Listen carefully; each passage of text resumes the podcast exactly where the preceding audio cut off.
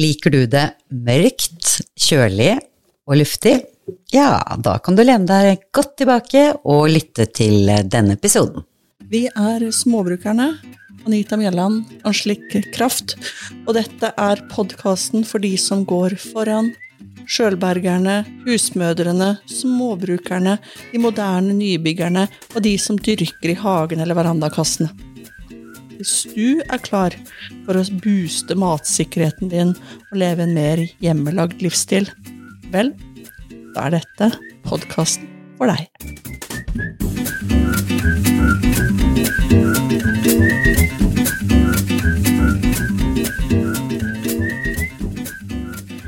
Anita, siste uke så var vi jo ganske fornøyde egentlig med oss selv eh, når vi gikk gjennom disse 17 bærekraftsmålene til FN og målte dem litt sånn i forhold til hvordan vi eh, skårte eller oppfylte disse delmålene.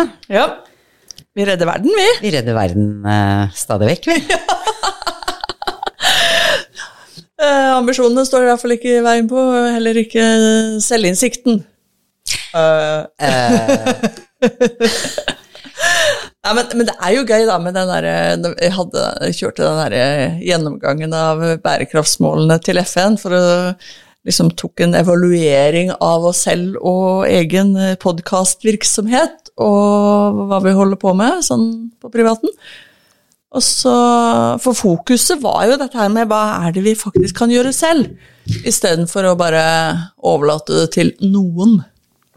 Ja, og det tenker jeg egentlig Ja, ikke bare fokuset, men det er egentlig konklusjonen også. At alle kan gjøre noe, sånn at uh, ikke man setter seg litt ned og Nei, men jeg har jo ikke noe Jeg kan jo ikke påvirke noe, jeg. Ja. Klart du kan. Ja. Mm. Så det er eh, Så i dag så, så, har vi jo tenkt å dypdykke litt ned i hva han faktisk kan gjøre. Hva du kan gjøre, hva jeg kan gjøre, hva vi kan gjøre. Um, og vi er jo på vårforberedelser. Mm. Og da tenker han at nei, men da må det bare handle om å så. Mm. Som man sår, så høster man. Dere kjenner alle uttrykket, og vi er veldig konkrete i dag. Her er det ingen uh... Du må krype før du kan gå. Ja, ja, ja.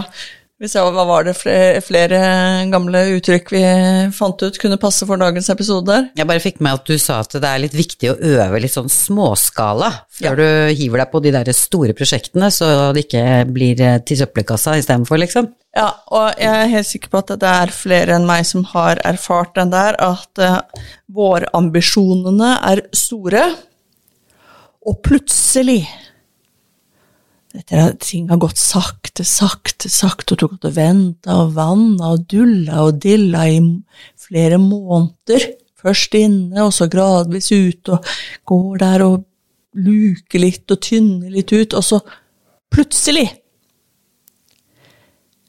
så er sinnssykt mye modent og klart til høsting samtidig. Og det er gjerne når det er knallfint vær du har lyst til å dra på stranda eller ut i båten eller bare ligge og slappe av i skyggen og lese en bok, men nei da. Ripsen er moden, solbær er modne, salaten må høstes, den må i hvert fall passe på at det ikke går i stokk fordi det er varmt. Plommene modne, litt avhengig av hvilke typer du har. Bringebæra, jordbæra og alt sammen. Og til og med nypotetene. Og så står du der. Og så tenker du ja, men jeg klarer jo ikke å spise på alt dette her samtidig. Og ikke vil jeg det heller, for jeg vil jo gjerne ha det sånn at det går utover høsten og vinteren og våren. Og så vet du ikke hva du skal gjøre. Fordi det blir for mye, for stort, og på en gang.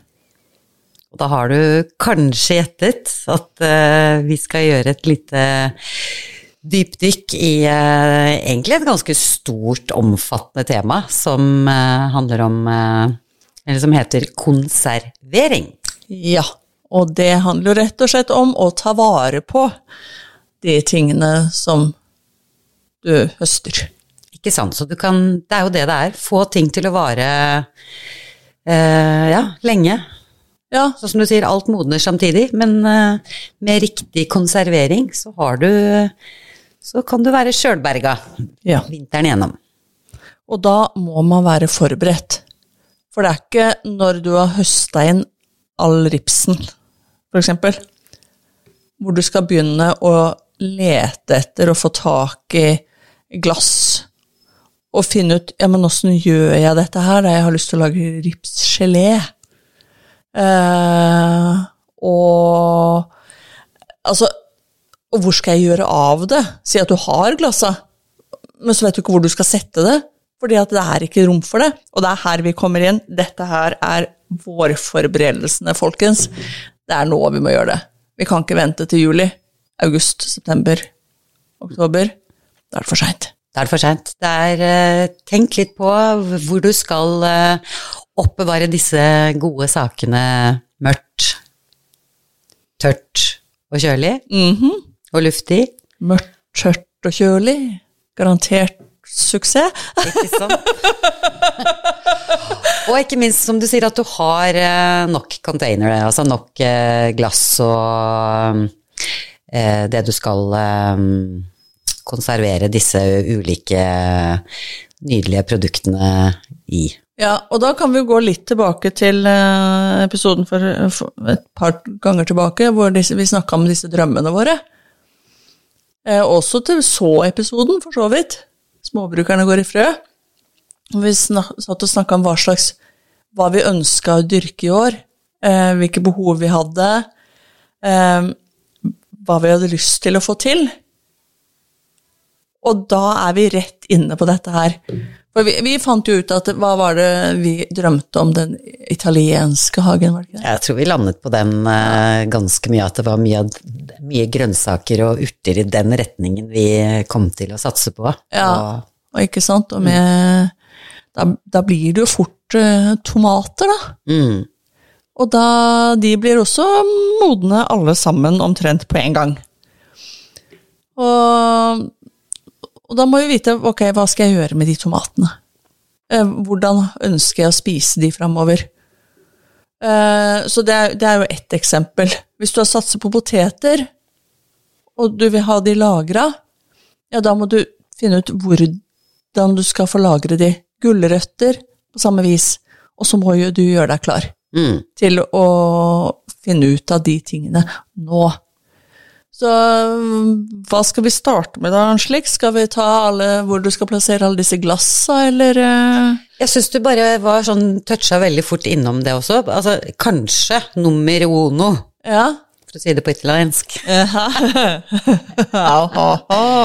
Det er eh, kanskje at man skal planlegge litt eh, og dyrke noe man faktisk liker.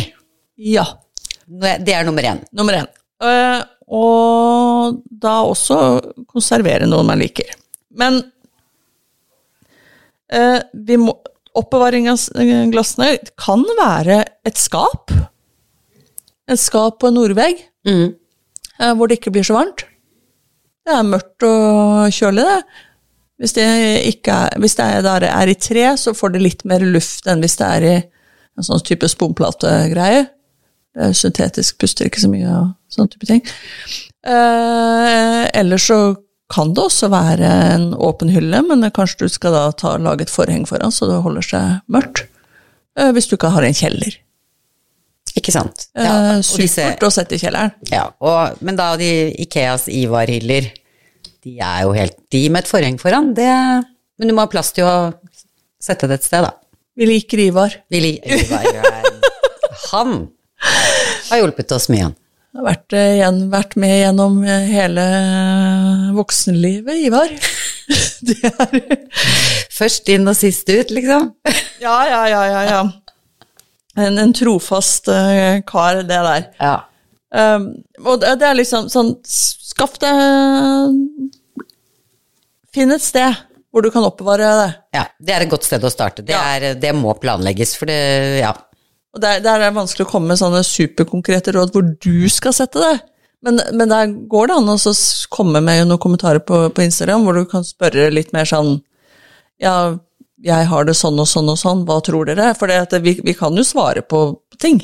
Mm, det kan vi. Eh, men mørkt, kaldt og kjølig er jo det beste for det meste. Mm. Så, og så må det være stort nok til alle de glassa du skal ha. Åh, det minte meg på noe. Moren min, hun eh, bodde på hybel.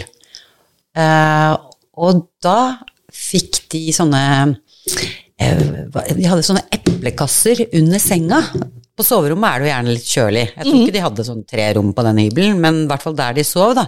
Så hadde de en eplekasse under sengen, og i tillegg til at det duftet jo helt fantastisk. Ja, for det var eplekasse med epler. Med epler, selvfølgelig. Ja, ja, ja, ja, Så det var sånn de lagret, for da fikk de jo sånne matkasser og sånn fra, for at det skulle spe på litt eh, den De hadde jo ikke akkurat så veldig god råd. ja.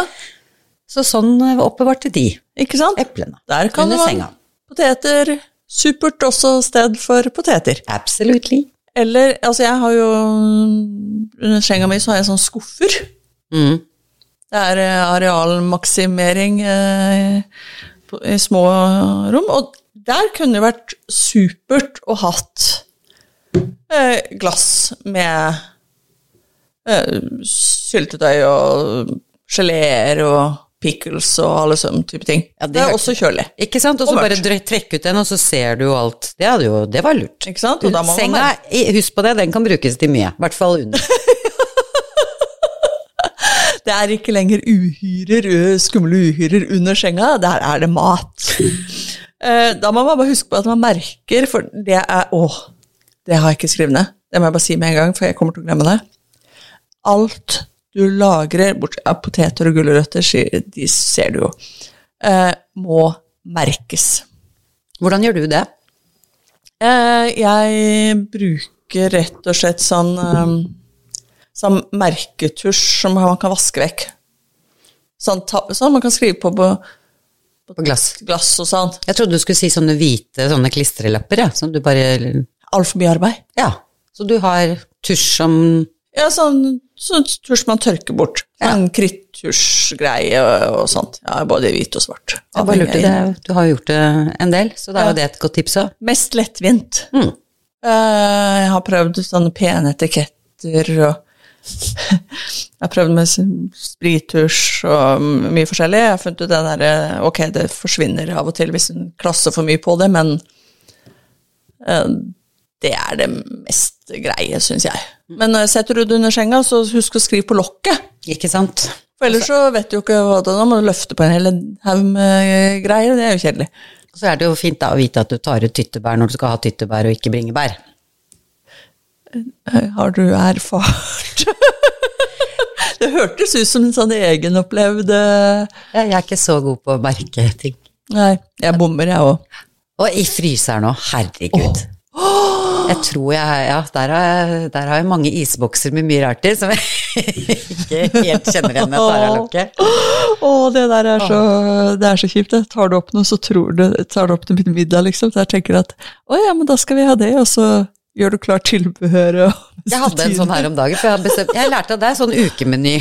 Ja. Og så hadde jeg en sånn isboks, og så tenkte jeg nei, og jeg har, der er, det er jo pastasaus. Og så tenkte jeg ok, da har jeg pasta mandag tirsdag med pasta bolognese. Ja. Men når det tinte, så var jo det chili con carne. så da ble det det. Å, men det er så herlig. overlevd. Jeg kom akkurat på at jeg har prøvd å lage en sånn fermentert uh, salsa. Mm. Uh, jeg, lagde to glass. Den ene, den har jeg spist, og det, det gikk, gikk greit, det. Men så Den var litt vrient å på en måte få alt Alle tomatgreiene og alt mulig sånn under den um, Brian eh, heter på engelsk uh, laken. Mm. Uh, beklager engelsken, jeg har Hadde du mye ikke nok YouTube. lake, eller hva? Jo, det var nok, men jeg må trykke det under, for ellers så blir det mugg. Ja, selvfølgelig. Ja. Mm. Det jo, ja. Så det skjedde jo selvfølgelig. Men så var jeg nede i kjelleren her nettopp, og så tenkte jeg å ja, men der står det jo står det et glass med tomatsaus. Tenkte jeg, men eh, for det var ikke merka. Heldigvis så tok jeg det ikke opp det til pastaen, for å si det sånn, for det kom jeg på et par dager etterpå at å ja, det var den der fermenterte salsaen, det. Den hadde jeg glemt. så, så selv om en eh, er flink til å merke, så glipper du noe av det, for det var liksom Nei, jeg må bare få det ned i kjelleren. Jeg har jo en gammel matkjeller. Og der ser jeg jo også at det, der står det nok noe ripsgelé som skulle vært eh, merka, ja. Heldigvis har jeg plassert det ved siden av ripsgelé, så jeg håper det er det, og at det ikke er solbærgelé. Men det pleier jeg ikke å lage, så derfor er jeg ganske sikker på ripsgelé. Men merking er superviktig, og, jeg, også årstall. Månen er ikke så nøye, som regel, bortsett fra sauerkraut. Men, eh, men sånn årstall Det er også Lurt. smart. Ja. Nei, men Ja, da er i hvert fall det grundig merking Da er viktig. bruker du det eldste først. Men når det kommer, Yes. når det kommer til uh, disse glassene og sånn, er, ja. er, du, er du den som sparer på når du har kjøpt det i butikken, da, syltetøyglass og andre glass, liksom? Ja. Det er det du bruker, eller har du kjøpt egne ja. Ja. norgesglass, kanskje? Ja. Eh, ja til alt. Ja, til alt. Ja, til, ja, nei, men altså, det er jo kjempesmart å bruke de glassene en uansett kjøper. Altså, kjøper du salsa, da Ikke kast de, i hvert fall.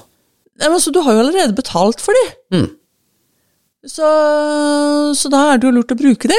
Så jeg har en oppfordring til alle som lager ting på glass, sånn som selger i butikker. Bruk et lim som vi kan klare å få bort litt lett. På de gamle etikettene, ja. ja, ja, har kutta opp fingre, fingre jeg, på grunn av jeg har stått med sånn kniv for å fjerne etiketter og sånn. Ikke noe lurt. Men bare sette det en stund i varmt vann, da, så Det hjelper på de fleste. På noen er det så fint at du bare putter det i oppvaskmaskinen, og så løsner hele etiketten pent og ferdig, og det er jo helt nydelig. Mens andre er litt mer eh, mareritt å fjerne. Men eterisk sitronolje er eh, et godt triks. Den tar, eh, vel, den tar de fleste, altså.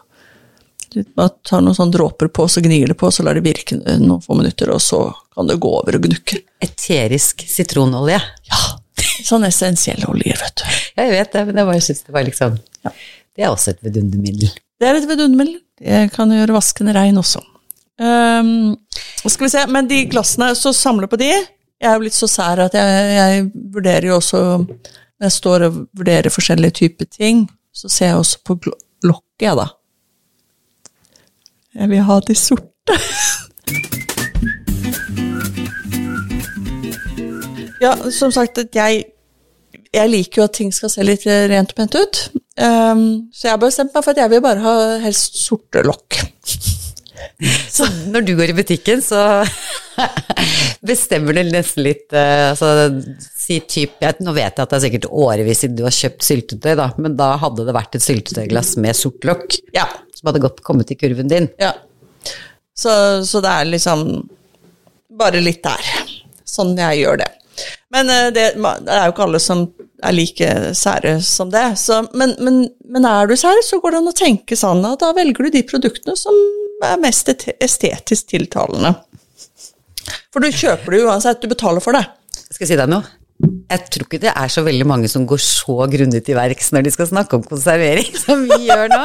Dette, er, dette her er ingenting er overlatt til detaljene her. Nei, men, men da sånn at da tar det jo litt tid å samle disse glassa. Men det fins et triks.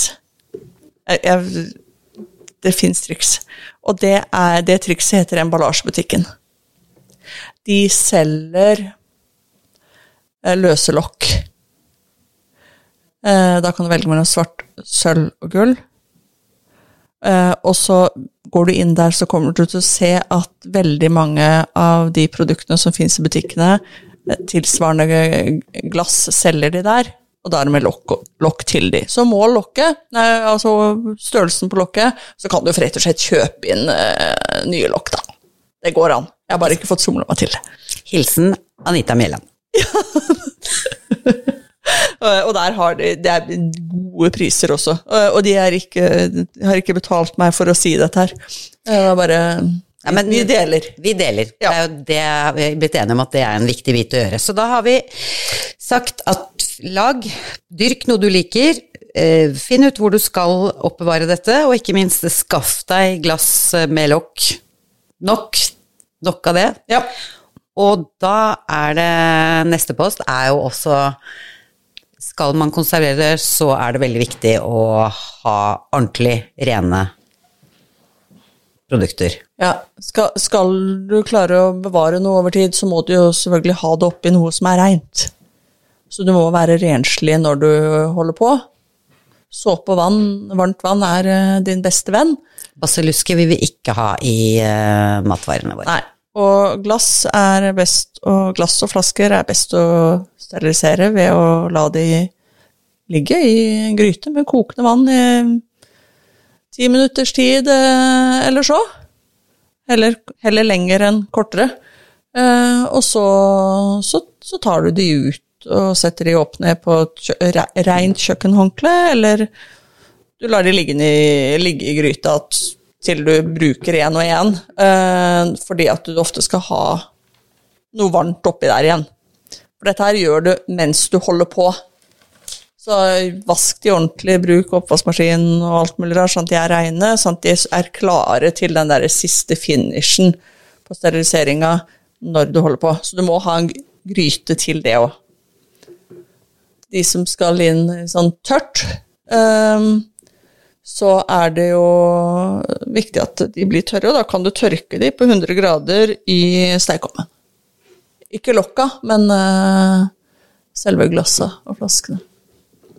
Ja, og så ikke altså, ta det seriøst. Det er liksom ja. uh, igjen da, da får du det resultatet du vil ha. Ja. Det er ikke noe vits i å tulle med, for da er jobben bortkasta, for da ender du opp med mugg. Det, du, det er jo ikke mugg du er ute etter. Nei, det er, det er absolutt det motsatte. Det, ja. det, er jo nettopp det. Altså, det er eh, Det er jo produktene dine som du skal kunne kose deg med, ta opp etter kanskje en måned, to måneder, tre måneder. To år. To år, ja. ja. Så, og dette her, begynn å øve nå, for dette, nå kommer vi jo til neste. Gjør vi ikke det? Det var noe jeg hadde tenkt å Ja, metoden, ja. ja. Og ja, det, var, det, er det vi kommer til nå. Ja. Endelig. Ja, endelig. Lang intro, men, men det er liksom dette her Det vi snakker om nå, er grunnlaget. Det er det du må få på plass først. Og så skal du begynne å øve, tenker vi. For det er derfor det vi heter vårforberedelser. Vi skal øve nå. Og da har, er det mange forskjellige konserveringsmetoder. Ja, egentlig, ja, for man, altså alt som er lagring, eller at man gjør noe med maten eller råvaren for at den skal vare lenge, er jo strengt tatt konservering. Ja. For det, når du, jeg tenker sånn, ja ja, ikke sant, det er safting, sylting mm. Og så begynte jo du bare å ramse opp eh, 20 til, liksom. Ja, men skal vi starte med det aller enkleste? Ja. Fryseboksen. Det er konservering. Fryseboksen. Ja, er, eh, og da er jo det viktigste med fryseboksen er at du, når du pakker ned noe, så sørg for at det er minst mulig luft rundt den råvaren som du fryser ned. For da slipper du sånn freezer burn-greier, og masse, at det legger seg mye is på utsida på selve varen. Og så merke den, da. Og så merke den. Det er, er veldig bra slik. Det, det tror jeg vi må tror du må ta ansvaret for å si det på alle typene her, fordi at det er så viktig. Så den er jo enkel, og de fleste kjenner den. Det er noe alle kan. Dette er noe alle kan, eh, rett og slett. Så det var fryseren. Um, en annen superenkel, det er tørking. Det er tørking. Du trenger ikke å kunne så mye for å tørke noe. Da kan du enten Det aller enkleste, hvis du ikke har noen remedier, er stekeovnen. Og da er det jo rett og slett bare å legge det du skal tørke. Typisk urter. Uh, typisk sopp. Typisk sopp, ja. Uh, også Tomater skåret i tynne skiver. Mm. Sitroner. Epleskiver. Ja. Det er mye man kan tørke. Men, Egentlig så kan man tørke det aller meste. Man kan også tørke kjøtt. Mm. Tenk deg bare rosiner. Ja. Altså sånne ja, sånn tørka kjøtt som man kan spise. Ja, ja, ja. ja. Mm. Uh, det er lurt å ha på tur, vet du. Uh, og da er det jo rett og slett å legge det utover et stekebrett med noe bakpapir på, og så putter du det inn i ovnen, og så skrur du bare sånn at lyset skrus på. Laveste mulig temperatur. Og så står det der til det er tørt. Det er, eh, det er den aller enkleste. Mm. Eller så kan du kjøpe deg en uh, sopptørker, som jeg kaller det. da. Det, det var jo fordi at jeg skulle tørke sopp. Uh, og de fins i mange varianter, fra de billigste runde typene med noen etasjer, og så er det hull i midten hvor lufta går, til sånne fancy, jeg tror jeg heter Excalibur eller et eller annet sånt, som er uh, mer kasser, eller kuber, med mange brett i og størrelser, og de er eh, De er visst superbra, uh, men de, de koster jo da desto mer. Mm. Hva er det du for det meste tørker du? urter er det altså oregano, basilikum, timian, mye timian, eh, rosmarin Alle de klassiske urtene som vi bruker til alt mulig rart. Mynte til te, Mm. men også blomster som kan spises eller lages uttrekk av på forskjellige vis. Ringblomster, for eksempel. Eh, og sopp. Det er vel det jeg stort sett uh, tørker, og jeg bruker den der, eh, en enkel sopptørker. Ikke noe fancy. Og jeg må innrømme at jeg tok og Åh, jeg tørka gravenstein i høst. Eplet. Eplegravenstein. Epleskiver. Tynne, tynne epleskiver. De er så gode! Fytti grisen, det er, altså, det er eplechips med, og da kommer den der friske, syrlige gravensteinsmaken fram fortsatt.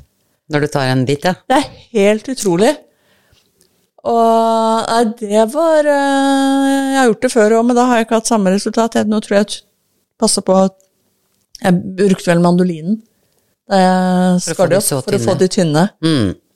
Så de ble helt suverene. Så det er tørking. Det er tørking, men bare si når Ja. vi snakker om det med tørking, for det, alt dette her er jo egentlig gamle, gamle metoder. Altså dette her er jo den gangen det var viktig å på en måte hamstre, da, og lagre, og man måtte være sjølberga.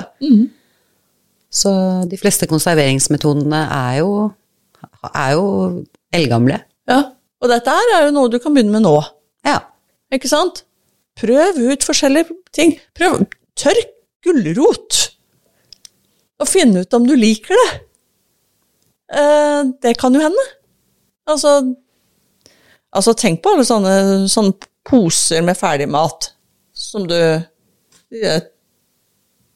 Orientalsk gryte og alle de greiene. Det er jo tørka mat. Det er jo dehydrert mat, som vi rehydrerer når vi koker det. Altså vi gir det vannet tilbake.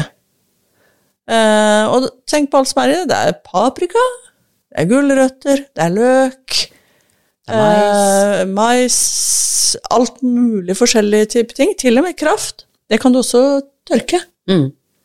ja, det ser man jo i disse buljongterningene. Ja.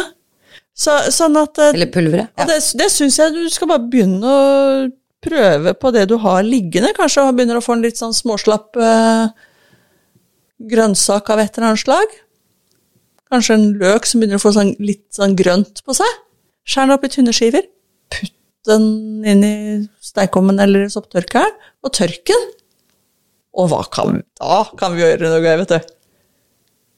Ja, har du først en uh, tørka løk, så har du jo fort uh, sagt uh, eh, også et løkkrydder. Ikke sant? Da har du løkpulver. Hiv det så i en eh, kaffekvern, og så bzum. Vent litt før du åpner, for ellers blir det bare løkstøv overalt.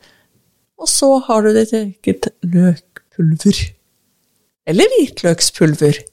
Eller paprika. Ikke sant? Og der plutselig har du den fantastiske krydderskuffen eh, istedenfor eh, sånne kjøpegreier. Ja, eller av faktisk eh, grønnsaker du kanskje ville enten hadde gått i komposthaugen eller kastet. Ja. Det var lurt. Yes, skal vi se. Da, da har vi vel på tørking. Har, har du noen spørsmål, så bare still oss spørsmålene på, på Instagram. For vi, vi har en tendens til å glemme litt ting også, så det også kan hende du lurer på noe som vi ikke har tenkt på. Ja, vi tar ris og ros og korreks og det meste, vi, på Mest- Instagram. Mest ros. Mest ros. Vi vil jo ha det.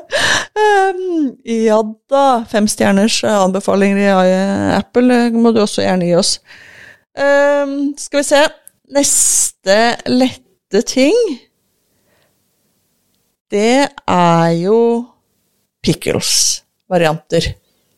Og det er jo noe du øh, gjør, øh, slik. Ja, det er jeg veldig glad i. Det begynte med at jeg alltid hadde um, syltet rødløk, løk, for det syns jeg passer til alt mulig, egentlig. Det begynte vel egentlig med at vi lagde det til eh, Hadde det sånn til taco og burgere og litt sånn forskjellig, men jeg bruker det så mye på smørbrød og salater, og det er så Ja. Så jeg lager mye pickles, og så Og så lager du sylta rødløken, da?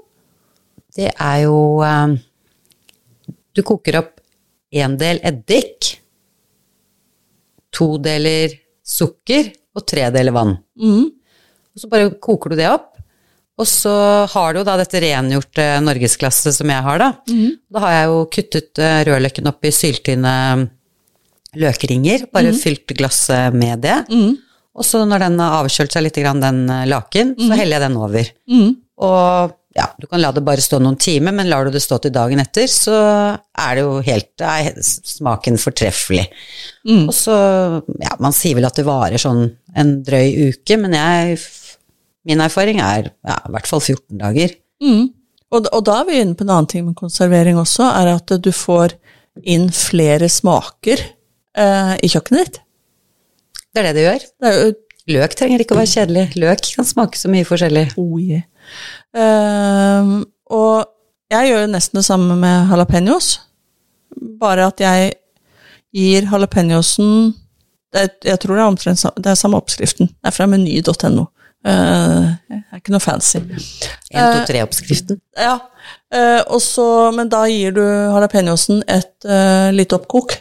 Da putter de de oppi gryta. Du tar de i gryta, ja. Ja, eh, men det er ikke lenge, de skal bare koke opp, og så tar du alt over på varme steriliserte glass. Eh, og fyller opp eh, nesten til toppen. Skru på lokket. eh, og snur det opp ned. Eh, og da, for da forhindrer du at det kommer mer luft inn, og så får du vakuum. Det er ikke alltid jeg snur det opp og ned, egentlig. Nei, jeg tror egentlig jeg bare lar det bli stående. Jeg er ikke så konsekvent bestandig. Men da hører jeg etter en stund at pop! Og der satt vakuumet. ja For når det står på, da, på, et, eh, på et kjøkkenhåndkle på, på benken og avkjøles stille og rolig, så, så skapes det et vakuum, og da lager jeg jalapeños for et år. ikke sant, så dine kan oppbevares så lenge. Ja, men da, da tar jeg jo det i flere, flere glass. Mm. Jeg lager jo ganske stor batch til å være to personer. Um, men, da, men da varer den. Uh, og også når jeg åpner et glass. Det varer mye lenger enn 14 dager, altså. Ikke sant? Ja, men da du, gjør du det litt mer i og med at du får det vakuumet. Og det kan du altså, gjøre sånn med chili òg, da. Det er jo så deilig å ha sånn syltet chili. Ja, ja. Det, ble, det er akkurat samme greie. Jeg har til og med gjenbrukt laken, jeg. Ja, det kan man. Det gjør jeg jo med den kjøleskapsvarianten min, da. Ja. Laken holder jo til et par omladninger. Mm. Mm. Så Og dette her er jo fremgangsmåten på, også på, på type sylteagurker og annen type pickles. Så er det jo samme fremgangsmåte. Du har det til å vare lenge, så gir du det et oppkok. Hvis du bare skal ha det til kjøleskap, for du skal ha jo litt gøye smaker, eller bare få brukt opp noe på en litt annen måte de kommende par ukene, så trenger du ikke oppkoke. Og da, har vi, da har vi lagret ting litt lenger med pickles-varianten. Ja, Dette blir litt sånn grov. Ja. Det er jo mange detaljer her på krydring og hvordan bevare strø, sprøheten i agurkene. Det er jo, kan man jo omtrent skrive en bok om, virker det som, ut fra debatten. La oss holde det til litt sånn småbruksnivå, da. Vi gjør det litt enkelt. Vi gjør det litt enkelt. Ja. Ehm, så er vi jo på de klassiske. Saftings, det vi pleier å tenke på som safting-sylting. Ikke sant? Det var sånn jeg begynte. Ja. Det er konservering. Ja, og, og det var jo det første jeg lærte. Så det er jo det jeg har gjort bestandig. Og da Syltetøy er jo det aller enkleste. Og har du ikke lagd syltetøy før, så, så, så gjør det nå. Det kan bruke frosne bær for den saks skyld. Og det er eh, Jeg gjør jo superenkel forskning viser her. Jeg, jeg koker bare opp bærene. Og så tilsetter jeg sukker eh, etter sånt som jeg liker at det smaker. Heller over på varme, steriliserte glass, skrur på lokket. Ikke sant. Men når du sier det, for apropos alt dette som modnes samtidig. Det å fryse ned bærene også, og ta frem frosne bær og lage det ferske syltetøyet, det er jo nesten enda bedre. Ikke sant? Lage rørte, Rørte- rørte jordbær og rørte, Rørte bringebær. rørte tyttebær. Rørte blåbær. Det er jo liksom Åh. luksus. Så noen av bærene burde du bare fryse Ja, for å gjøre nettopp de tingene. ikke sant? Bare spare noen til de der virkelig godsakgreiene. Men for utfordringen med fryseren er jo to ting. Det ene er at du blir full. Sier hun som har to. De blir fulle. Eh, og, og det andre er at går strømmen, og du ikke er hjemme Da er det fælt, da. Da er det fælt, da. Og sier hun som har prøvd det også. De uvurderlige bærene. Ja, og kjøttet og alt mulig rart. Ikke sant, nei. Eh, Det er, det er en tragedie, det som skjer. Sånn at det er jo litt derfor vi prøver å få det på glass også, er jo at det, da eh, trenger de ikke å stå i noe elektrisk apparat. Da kan de stå på en hylle inni et skap i en kjeller. Hva som helst. På gamlemåten. På gamlemåten. Uh, Safting, driver du med det òg? Yes. Uh, da er det jo flere måter å gjøre det på. Jeg bruker en gammel saftkoker. Sånn med en sånn eh, Det er en sånn kurv som du setter oppi, og så un underst så er det en liten er det en, en liksom flat gryte med vann. Og så setter du alt oppå hverandre, og så er det en sånn slange ut. Mm. Jeg er sikker på mange har sett det. Typisk ting man kan finne på loppis eller bruktsjappa. En saftkoker. En saftkoker. Mm. Uh, jeg har vel fått Jeg kjøpte en på Toppis, tror jeg. Uh, funker helt supert. Og da, da er det bærene oppi. Vannet koker, og så står det der og damper eh, til det ser eh, slapt og tafatt og har synket veldig sammen ut oppi bæredelen. Og så tapper du det over på Tapper jeg det over, på, eh, over i en gryte. Og så koker jeg den opp, og så smaker jeg til med sukker. Eller jeg, noen ganger så tapper jeg direkte på flaske, og da får jeg sursaft som jeg da kan tilpasse når jeg skal bruke den. Og da er det opp på varme flasker, sånn at du får, uh, får vakuum med en gang. Uh, de er jo steriliserte. Hvilken saft liker du best? Eller hvilken, hvilken bær gir den beste saften, syns du? Rips. Ripssaft. Rips. Rips er godt. Ja, Mm. det er veldig godt. Og det er også en ting man ikke får kjøpt i butikken. Så det er jo også en ting, altså det er jo fordelen med den der konserveringen man gjør sjøl. Du kan få tak i ting som, uh, som du ikke får tak i i butikken. Um, og det rabarbrasaft også er jo helt fantastisk. Heller ikke utbredt i dagligvare. Nei, de dagligvarene vi De kjedene vi har. Ja. Så, så det er jo blant de tingene. Eh, Så, så kan du også bare koke Koke det opp. Noen bruker saftkoker sånn at de har bær og sukker lagvis.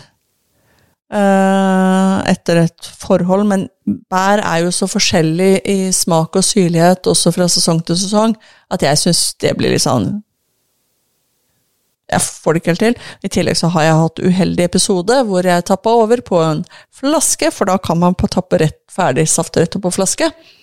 Og så var ikke flasken varm nok. Og da ble det mugg. Nei. Um, når kokende Og da væs- sprakk flasken. sukker saftvæske helles over på en kald flaske. Så sprekker flasken, og da har du sukkerholdig saft utover eh, både deg selv og kjøkkenet, og det er bare jævlig kliss å vaske opp. Ja, så, Og så brenner du deg, og så er det Det er ikke moro! Det er ikke moro! Det er derfor vi sier her, det er lurt å øve. Nå har du lært det. Det er ikke alltid man lærer andres tabber heller, så men Nei. det var fint hun sa det, fordi de to tingene, varm væske og kald, kalde glass, det, det passer jo ikke akkurat sammen. Nei. Det tror jeg de fleste har erfart. Ja. Så, så det er litt sånn Det er derfor vi sier øv nå. Mm. Når du har en sånn passelig mengde som du kan kjøpe, få tak i billig på butikken. Uh, eller kanskje du har noe i bånn av fryseboksen din som du har tenkt lenge at du skulle ha gjort noe med. Eksempel plommer. Uh, så øv på det.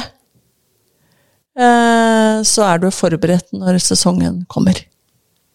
Skal vi se, det var syltetøy, og det var saft, så er det gelé. På de to første så har jeg sagt du kan, du, da kan du bestemme sukkermengden selv, etter smak. Men på gelé så er det sånn at sukkeret reagerer med pektin i bæret, eh, som gjør at du får den derre gelégreia.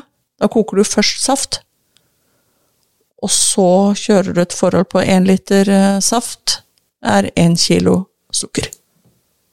Koker du det sammen, og så tar du geléprøven.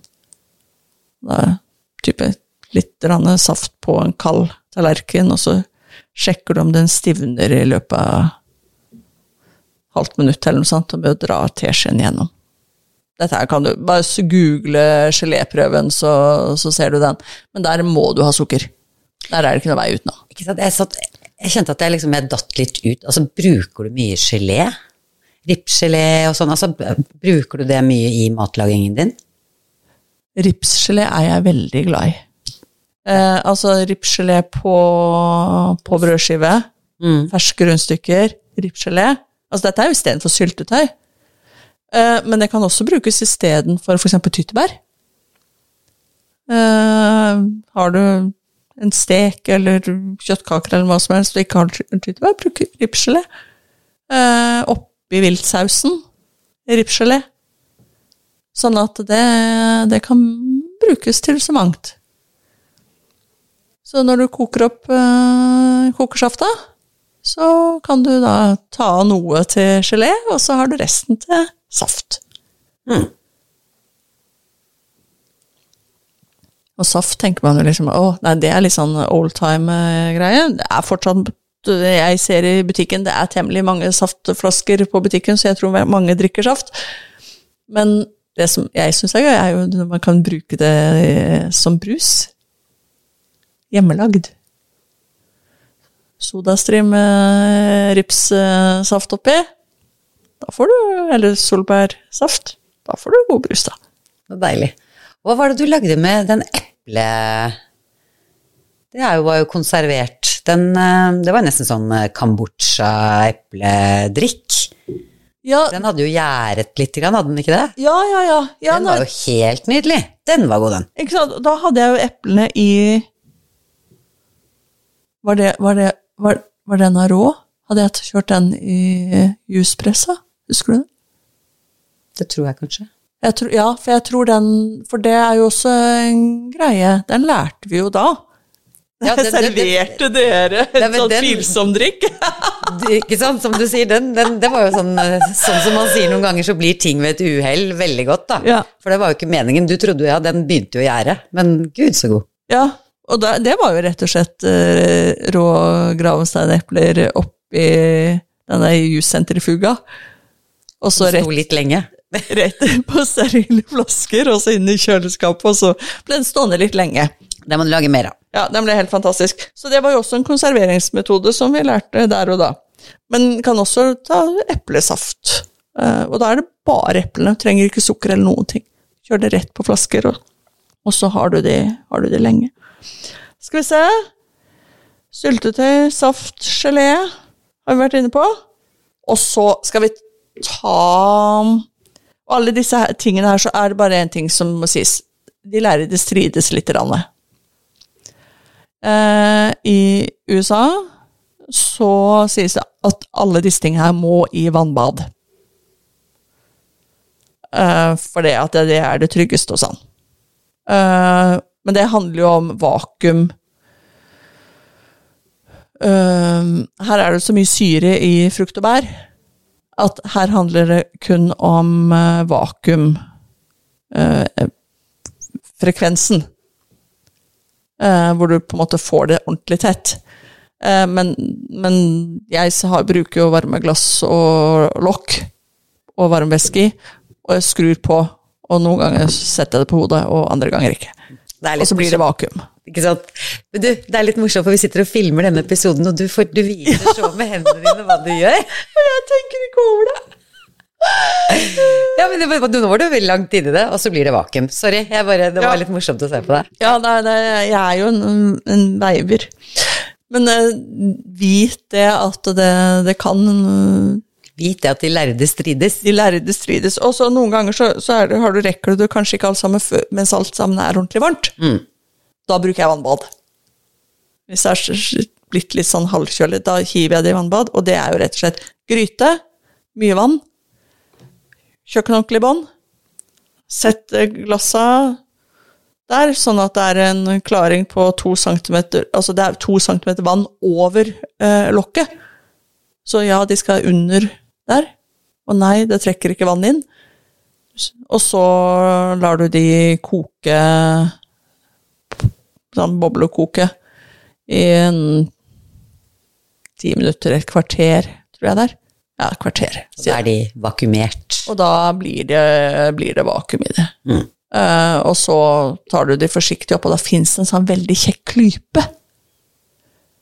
Som er gull. Uh, koster bagatellmessig, og livet blir veldig mye bedre når du får tak i den klypa. Det er en sånn gripegreie som tar tak sånn. Der sitter hun og forklarer. viser, så de som kanskje får se filmet, de ser det. Og så løfter man det opp sånn, og så forsiktig over på, um, på bordet eller benken der man har eh, kjøkkenhåndkle. Hatt noen ulykker med den nå, eller? Nei, den går veldig fint. Det er alt det andre man får ulykker med. Det er ikke sånn, for jeg så for meg liksom at den grabben der bare Nei, det er, det er, gummi, gum, det er gummi på. Mhm. Det er verre hvis du prøver deg med pølseklyper og alle mulige sånne type ting. De er ikke eh, gode nok. Dette grepet sitter. dette grepet sitter, og så klemmer du til oppe, sånn at du har jo god klem på det når Ok, du men hvis jeg skal gå inn på da, så sier jeg du, Ja. jeg skal ha en sånn uh, vakuumeringsgaffel. Hva skal jeg kalle? Hva heter den? Nei, nei Jeg vet ikke hva den heter. Jeg skal ha en sånn. Jeg skal ha en sånn klype som jeg kan løfte varme syltetøyglass opp fra et vannbad. Hvor kjøpte du din? På nettet, kanskje? Eller hvordan, hva søkte du etter da? Nei, jeg, jeg tror jeg fant navnet Men altså på sånne steder som selger sånn saft- og sylteutstyr. Ja, saftkokere. så, så, De har ha- sånne klipper. så har de sånne, sånne ting. Eh, så du, da finner du det. Du det ser ut som en veldig rar, eh, stor pølseklippesak. Eh, kanskje vi- vi skal prøve å huske å legge ut bilde av den, sånn at folk kan se. Det var lurt. Ja. Og navn. Og navn. Ja, da skal jeg finne ut hva den heter. Ehm, så det Var Det var det. Ja, kok, ja koker du tomatsaus, s- eh, pastasaus type uten noe kjøtt i, selvfølgelig, Uh, så tilsett uh, enten sitronsaft eller limesaft, og da fra de derre fra butikken. Ja, de flaskene. Ikke, ikke press den selv, for du vet ikke hva slags pH det er i en sitron du presser selv. Men det er en, sikker pH på de du kjøper eh, i butikken, eller litt eddik. Type, det er et snakk om en teskje per glass. Eh, det er for å sikre at du har høyt nok syreinnhold, for selv om vi tror at tomater er syrlige, så er de ikke alltid syrlige nok til at det er trygt. Mm. Og da er det også bakteriedrepende. Ja. Yes. Skal vi se. Da har vi vel kommet til hva er det, hvorfor snakker vi om dette med trygt? Syre, base. Nå er vi i naturfagtimen her. Vi snakker om dette, for altså, gjør du det ikke trygt, så kan du faktisk dø av det. Ja, og det er ikke for å skremme noen, men, men det er noe med Det, he- det kalles botulisme. Mm. Uh, og det fins naturlig rundt oss. Eh, I større og mindre grad, og eh, alt med seg. I mindre grad er det ikke noe problem, det er når det blir i større grad. Og de stortrives i eh, glass eh, med kjøtt, fisk og grønnsaker. Og det skumle er at det lukter ingenting, Smaker ingenting. Syns ikke. så du vet ikke. Nei. Så selv om bestemor eller oldemor eh, konserverte kjøttkaker eh, på boks og hadde bare syltevoks oppå, og det gikk bra, så jeg tar ikke sjansen. Jeg gjør ikke det. Det er, det er forska på dette her. Eh, Jeg bruker da en sånn heftig, svær trykkhermetiseringsgryte, som ikke er en vanlig trykkoker. Da, vi snakker litt sånn hardcore. Eh, som Som er eh, designet og laget nettopp for hermetisering. Ja, hvor du oppnår over 121 grader inne i glassene, og du skal ha det over en viss tid, osv. Men det er en helt egen episode, jeg tror ikke vi skal gå inn på den gang. Men derfor, all, hvis du styrer unna kjøtt, fisk og grønnsaker på sånne vannbadsgreier, eh, og tilsetter litt eddik eller sitron på tomatsausen, så, så går det fint. Ikke sant? Og så kommer vi tilbake til den hermetiseringen av Ja. eh, kjøtt og fisk og grønnsaker Nei, kjøtt og fisk senere. Yes, Men grønnsaker kan jo konserveres. Absolutt. Det er jo masse Ja, det kan det jo. Ja, pickles har vi allerede sagt. Mm. Det er jo eddiksylting. Men eh, salt, Salting. det gode, gamle saltinga. Og da er vi jo på for eksempel sauerkraut. For de som er glad i det. Mhm. Sylta kål. Nei, salta kål. Gjæra kål. Fermentert, ja. Ja, Mm. Det er jo rett og slett kål og salt. Det er det. Hvor lenge varer det? Nei, vi kan fint ha det et år. Ja. Og er, da kan du tenke én kilo kål, to spiseskjeer eh, salt. Da er det ikke sånn grovt havsalt, men altså vanlig salt. Men du, holder, du dropper jod, eh, altså salt med jod eh, styrer du unna. Mm. Uh, men så er gode havsalter mineralsalt. Bruker du selvfølgelig flaksalt, så må du gjøre det fint hvis du skal få riktig forhold. Altså da må du Knuse det ellers for ellers så blir det for lite salt. Men eh, Og det er jo lurt hvis du ikke har- drevet og spist det noe særlig, så lag en, av en kål, da. Ja, ikke ta, ikke ta 10-20. Finn ut om du liker det. Ja, eh, for det er jo ikke sikker Det er ikke alle som liker det, det er litt tilvenningstid. Uh, og selv da spiser en ikke nødvendigvis så mye. Så jeg tar gjerne en hodekål. Det blir eh, et sånn liters norgesglass. Da har jeg et år. Er det, men er det den du åpner til jul, eller tar du litt og litt av den? Jeg, ja, nei, men det, jeg, nei, jeg bruker ikke den som surkål. Nei. Nei. Nei, til ribba vil jeg ha sånn vanlig. Sånn eddik og sukker og, og- ja, sånn. mm. Nei, dette her er for å få i seg litt sånn probiotika og sånt. Eh, Og så er det litt andre smaker. Jeg har jo til og med brukt den på taco, det. Ikke istedenfor de andre tinga, men eh, bare sånn lite dryss på toppen. Det er ikke så dumt. Ehm, så det er uh, det. Altså da finsnitter du kålen, og så tar du på salt og blander det inn, og så dunker i vei til du får en lake, og så trykker du det ned i et glass. Sørger for at laken ligger over, og så setter du det på kjøkkenbenken en sånn fem til sju dager, avhengig av temperaturen i huset ditt, og så setter du det kaldt, og så er det bare å begynne å spise. Ikke sant? Og når det er sagt, altså kål er faktisk ganske rimelig både i butikken og lett å dyrke. Ja. Og jeg vet at du er veldig fan av du, altså, Kål er mye mer enn fårikål og surkål. Du, du sier jo at kål er salaten din gjennom vinteren. Ja, ja, men det er jo det. Så jeg, jeg tror kanskje jeg skulle starte sånn venneforening. Kålens venner. Hodekål for the win.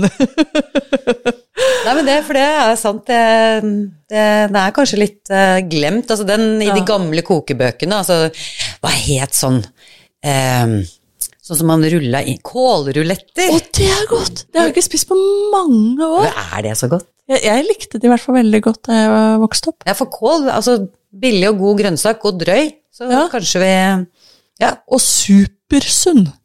Det inneholder I sinnssykt mange godsaker. Og veldig, de fleste har fått med seg grønnkålen. Den har jo en, kan jo ha en litt utfordrende smak, og den må tydeligvis masseres i en halvtime i tillegg. Hvem gidder? Eh, hodekål og rødkål inneholder eh, omtrent akkurat det samme. det visste du sikkert ikke. Nei, og så er de gode. Og så er de halve kvarte prisen.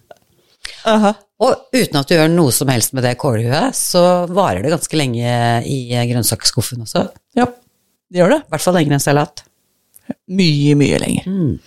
Så skal vi se, men eh, sånn salting eh, av, eh, av grønnsaker, altså det kan du gjøre med gulrøtter og alt mulig rart. Da lager du en saltlake. Gulrøttene masserer du selvfølgelig ikke til du får noe vann ut av. Nei, da lager du en saltlake. Kan vi si det sånn at gjerne til sånne um, rotgrønnsaker passer Ja. det veldig godt. Ja. Mm. Eh, Men også blomkål, og du kan jo lage en miks. Veldig utbredt i Øst-Europa. Veldig. Eh, Så Brokkoli. ja, Mm. alt du liker. Ja, det må testes På på litt flere, flere grønnsaker. Ja. Og det er, ja, som du sier, det er, bare, det er jo bare salt. ja. Det er eh, Enklere får du det nesten ikke. Og som sagt så går det også an å gjøre det eller, av den fermenteringsprosessen da med salsa. Ikke sant? Tomater og løk og koriander og hva man måtte ha oppi, og så da er det salt. Så det, det, det kan man bare google en oppskrift. Jeg har, noe, jeg har jo bare testa én, sånn at jeg vil ikke si at jeg er noe guru på den her ennå. Men eh, det er verdt å prøve. Den jeg smakte, ble i hvert fall veldig god. Ja Har vi kommet gjennom uh, Ja, italienske hagen! Den. Åh. Tomatene våre. Ja. Og vi lager jo ikke sausen ferdig. Vi legger tomatene På olje Sherrytomater, for eksempel. Det er jo helt supre. Inn i ovnen. Litt olivenolje over. Rosmarin. Hvitløk. Så bare la de sånn til de akkurat begynner å sprekke litt, for da får du ut litt av væsken. Over på et varmt glass. Fyll på med olivenolje til det dekker, eh, dekker godt. Skru på lokket, og sett det kaldt. mm. Og så nyter du gjennom vinteren. Og det å ta av det lokket og lage din egen tomatsaus, eller, eller bruke de som de er. eller bruke de som de er i en salat, eller ved siden av et stekt egg, eller et kokt egg, eller på et smørbrød, eller på hva du nå måtte ønske. Det må bli masse skjære tomater i den italienske hagen. Måtte det bli. Ja. Så ja, det er, så det driver jeg og spiser for tida. Eh, Kjempegodt! Men det fant du ikke i eh, Henriette Skjønberg Erken sin eh, Stor kokebok, som den heter. Den har du sittet og kost deg med. Åh, jeg elsker den boka. Uh, Og den er stor. Tjukk og god. Tjukkere enn Bibelen. Ja. Første utgave fra 1914. Mm. Det er jo ikke den jeg har. Mamma har en etter min bestemor, som vel hadde etter sin mor en. Førsteutgaven. Vet ikke. Den er så slitt at den har nok ikke noe, fys noe sånn monetær verdi. Men du, før du åpner opp den, Ja. hvorfor er du så glad i den? Der står alt. Alt du trodde du ikke trengte å vite om uh, husstell og slikt, uh, står i Henriette Schönberg Eikrins storkokebok. Du lager såpe fra bånn av, altså da snakker vi fra bånn av. Fra Da kjøper du ikke engang kausisk soda. Da starter du med asken. Herregud. Så alt som hører husholdet til, Aha, sykemat, sykepleie. Det er viktig sånne ting som dekk et pent brett med en blomst eh, til den syke, fordi at det, estetikk er også en viktig del av det å bli frisk. Mm. Og det er jo noe som forsvant ut uh, veldig lenge, og nå er liksom litt tilbake igjen. Folk begynner å snakke litt om at man blir friskere av sånne type ting også. Men, det er jo sånn, men kan vi si det sånn at hun, hun løftet vel liksom det husmoryrket, den profesjonen det var, da, kanskje litt opp til eh, altså noe man virkelig var stolt av. Mm. Det var eh, Det var eh, ikke ensformig og kjedelig og noe man måtte gjøre. Det var faktisk en kunst å være en god husmor. Ja. Og brukte hun uttrykket husmor. Ja da. Eh, I forordet til første utgave så står det jo eh, for, for Hun har jo samla oppskriftene sine og alt det hun kan i denne boka. Husmødrene vil se at ensformighet i det daglige kjøkken ikke er nødvendig. Og de vil selv kunne sammenstille sine menyer efter sine innkomster, både til daglig og til selskaps. Som gammel lærerinne og husmor ber jeg de unge husmødre fra ha interesse for sitt husstell, være fordringsløse og økonomiske. Ingen er ulykkeligere enn en slekt med store fordringer. Det var lærerinnen sin, det. Og, Visdoms små gullkorn. og fordringer betyr jo gjeld. Ja. Og ingen er lykkelig da, med for mye fordringer. Nei. For store fordringer. Nettopp. Så, så vi, vi, vi tar jo vi, vi er jo på lag med Henriette Sjølbergen. Så absolutt. Hvordan er de fordringene dine på vei ned nå med all den sjølbergingen du holder på med? Ikke sånn at det, det nødvendigvis er god økonomi i den slags sjølberging. Jo, det tror jeg. Masse glede, da. Masse, masse glede og livskvalitet. Men, eh, men det er jo litt morsomt. Jeg satt og bladde inn, eh, det var jo nydelig vær i dag, og jeg satt ute og koste meg litt, så kom jeg over noe som jeg ikke hadde registrert før. Jeg har jo sittet og lest denne boka her i 20 år. Nei, enda lenger, for jeg leste jo mamma sin utgave. Ja. Eh, Hele mitt liv har jeg drevet og lest den her. Men hør den her. Sitronskall, appelsinskall og pomeransskall. Du har jo temmelig mye ja. pomeransskall, har du ikke det? Er pomeranseple? Jeg tenkte Jeg trodde det var noen sånn type bitte små appelsiner, jeg. Og vet du hva jeg tenkte? Kanskje det er det, for jeg tenkte på pomme du terre. Altså når du sa oh, ja, ja, jeg tenkte men det er jo ep det er eple på fransk. poteter. Pomme de Pomme terre terre er jo poteter, ja. Det er ikke potetskall. Nei, jeg tenkte det. Nei, Ikke potetskall heller. Nei, ok. Men, men dette her er sitrus, da. Ja. Avskjæres alt hvitt, skjæres i fine terninger og overhelles med konjakk, spiritus eller rom. Tildekkes og står i 14 dager, siles. Essensen oppbevares på korkede flasker og er ferdig til bruk. Å, så vakkert. Jeg har aldri tenkt på at man kan lage sin egen eh, Essens. sit- sitrusessens. Og sikkert mye bedre. Og du, vi har jo glemt å si alt det som legges på sprit. Ja! Det er jo konservering. Aha. Aha. Så, så når du har lyst til å lage likør, og noen sier 'hva skal du med alt det brennevinet', så bare si 'ja, men jeg konserverer jo kirsebærene mine'. Det er jo det er godt hushold.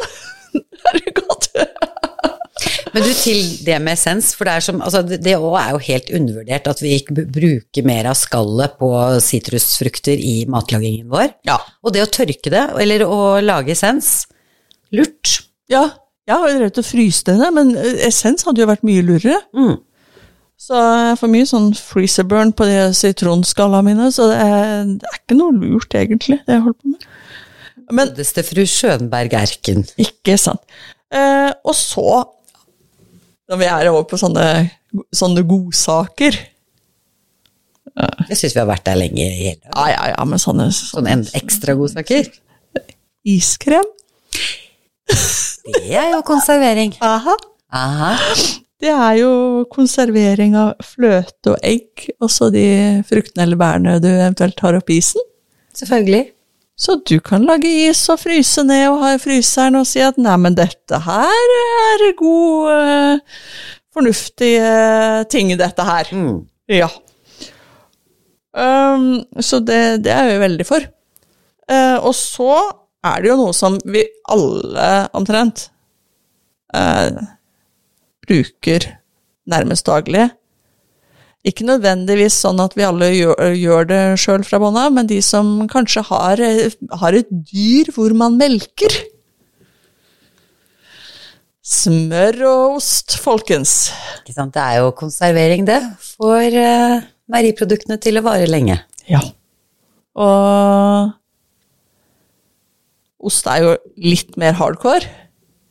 Litt Eh, vanskeligere. Det er litt vanskeligere. Det er mye Vi, vanskeligere. vi driver og tester det. Vi har blitt enige om at vi skal på kurs. Ja. Eh, Men, eh, men det er jo litt sånn hardcore, det kan man jo øve på. Det er kanskje lurt å øve på før man anskaffer seg ku, da. Det er sant. Men apropos, sånn vi sier, det her kjøper vi som regel i butikken, ost Ja. og smør. Men en, min gode kollega, tidligere kollega Ida, hun sier aldri kast gammel fløte. Pisk det opp, salt det, og du har fantastisk smør. Så det, det er ikke mye som skal kastes i det fra kjøleskapet etter hvert, altså, hvis vi Nei. blir gode på dette med konservering. Ja, og egen yoghurt er jo også kjempelett å lage. Det er konservering. Det er konservering. Og da, når du har laget den yoghurten, da kan du lage dream cheese. Ikke cream cheese, men dream cheese. Hvordan gjør du det? Da, da har du først lagd yoghurt. Og så tar du eh, Har sånn gass eh, Sånn, sånn tynt stoff med gjennomhulla, vet du. Fins i kjøkkenavdeling på butikken. Mm. Gassklut, tror jeg det heter. Ja. Eller et osteklede, hvis du har det. Uh, og så har du det oppi en uh, melsikt, og så heller du yoghurten oppi der. Og så tar du og samler sammen stoffet, og nå sitter jeg her og veier igjen. sånn det, og så du, fester du tau rundt, sånn og så henger du den opp. Og så henger den, og så drypper det ned i en skål eh, et døgn eller to. Avhengig av hvor eh, Fast den yoghurten. du vil ha den, og hvor fast yoghurten var i utgangspunktet og sånn. Og så tar du den ut av det kledet, tar oppi litt salt, blander eventuelt oppi tørre urter. Det må være tørka, det er ikke ferske urter i dette her, så da rykk tilbake til starten med tørking av urtene. Um, bland det sammen. Du kan gjerne også rulle det i litt urter. Så legger du det over på sterilisert glass. Så heller du på olivenolje, og skrur på lokket og setter det i kjøleskapet. Og da har du din egen smørost, som du kan bruke når som helst, som smaker akkurat sånn som du vil ha det. Det er en syrlig, god, myk ost. Perfekt på ostebordet, eller på brødskiva, eller eh, hva som helst. Sammen med de gode smakene. Anita, det der hørtes ut som en eh, altså, helt nydelig avslutning på eh, å gjøre seg selv eh, både god og glad og mett. Det, åh, det skal jeg prøve! Det er, det er enkelt, altså, så det, og, det, og det varer lenge. Åh, helt nydelig. Så det er eh, Så der kom vi gjennom himla mange konserveringsmetoder som du kan begynne å øve på nå. Rett og slett. Um, øving gjør mester. Uh, og det er best å øve før du står der planta i gummistøvlene eh, midt i kaoset og skolestart og kanskje jobbskifte og gudene vet hva. Ikke sant, og ikke minst, og så syns jeg vi skal ta hedre hun eh, godeste fru Henriette Skjønberg Erken og si at det treng Altså, konservering handler jo også om å variere smakene på de samme grønnsakene du har. Og da blir jo ikke dette et ensidig kosthold, så det er jo egentlig Øv deg litt med det du har i kjøleskapet akkurat nå, og så tenk litt på hva du har lyst til å dyrke og konservere mer av. Ja. Og da Vi sier takk for at du, du hørte på. Vi håper vi fikk deg litt mer inn i den kulinariske drømmeverden eh, nå. Konservering er ikke ut, det er uh, evig gøy. Ah, jeg, jeg tror det er den nye trenden, det. Vi sier det. Ja. Ok, da høres vi om en uke. Takk for at du lytta. Følg oss på Instagram, Småbrukerne. Ha det godt. Hei.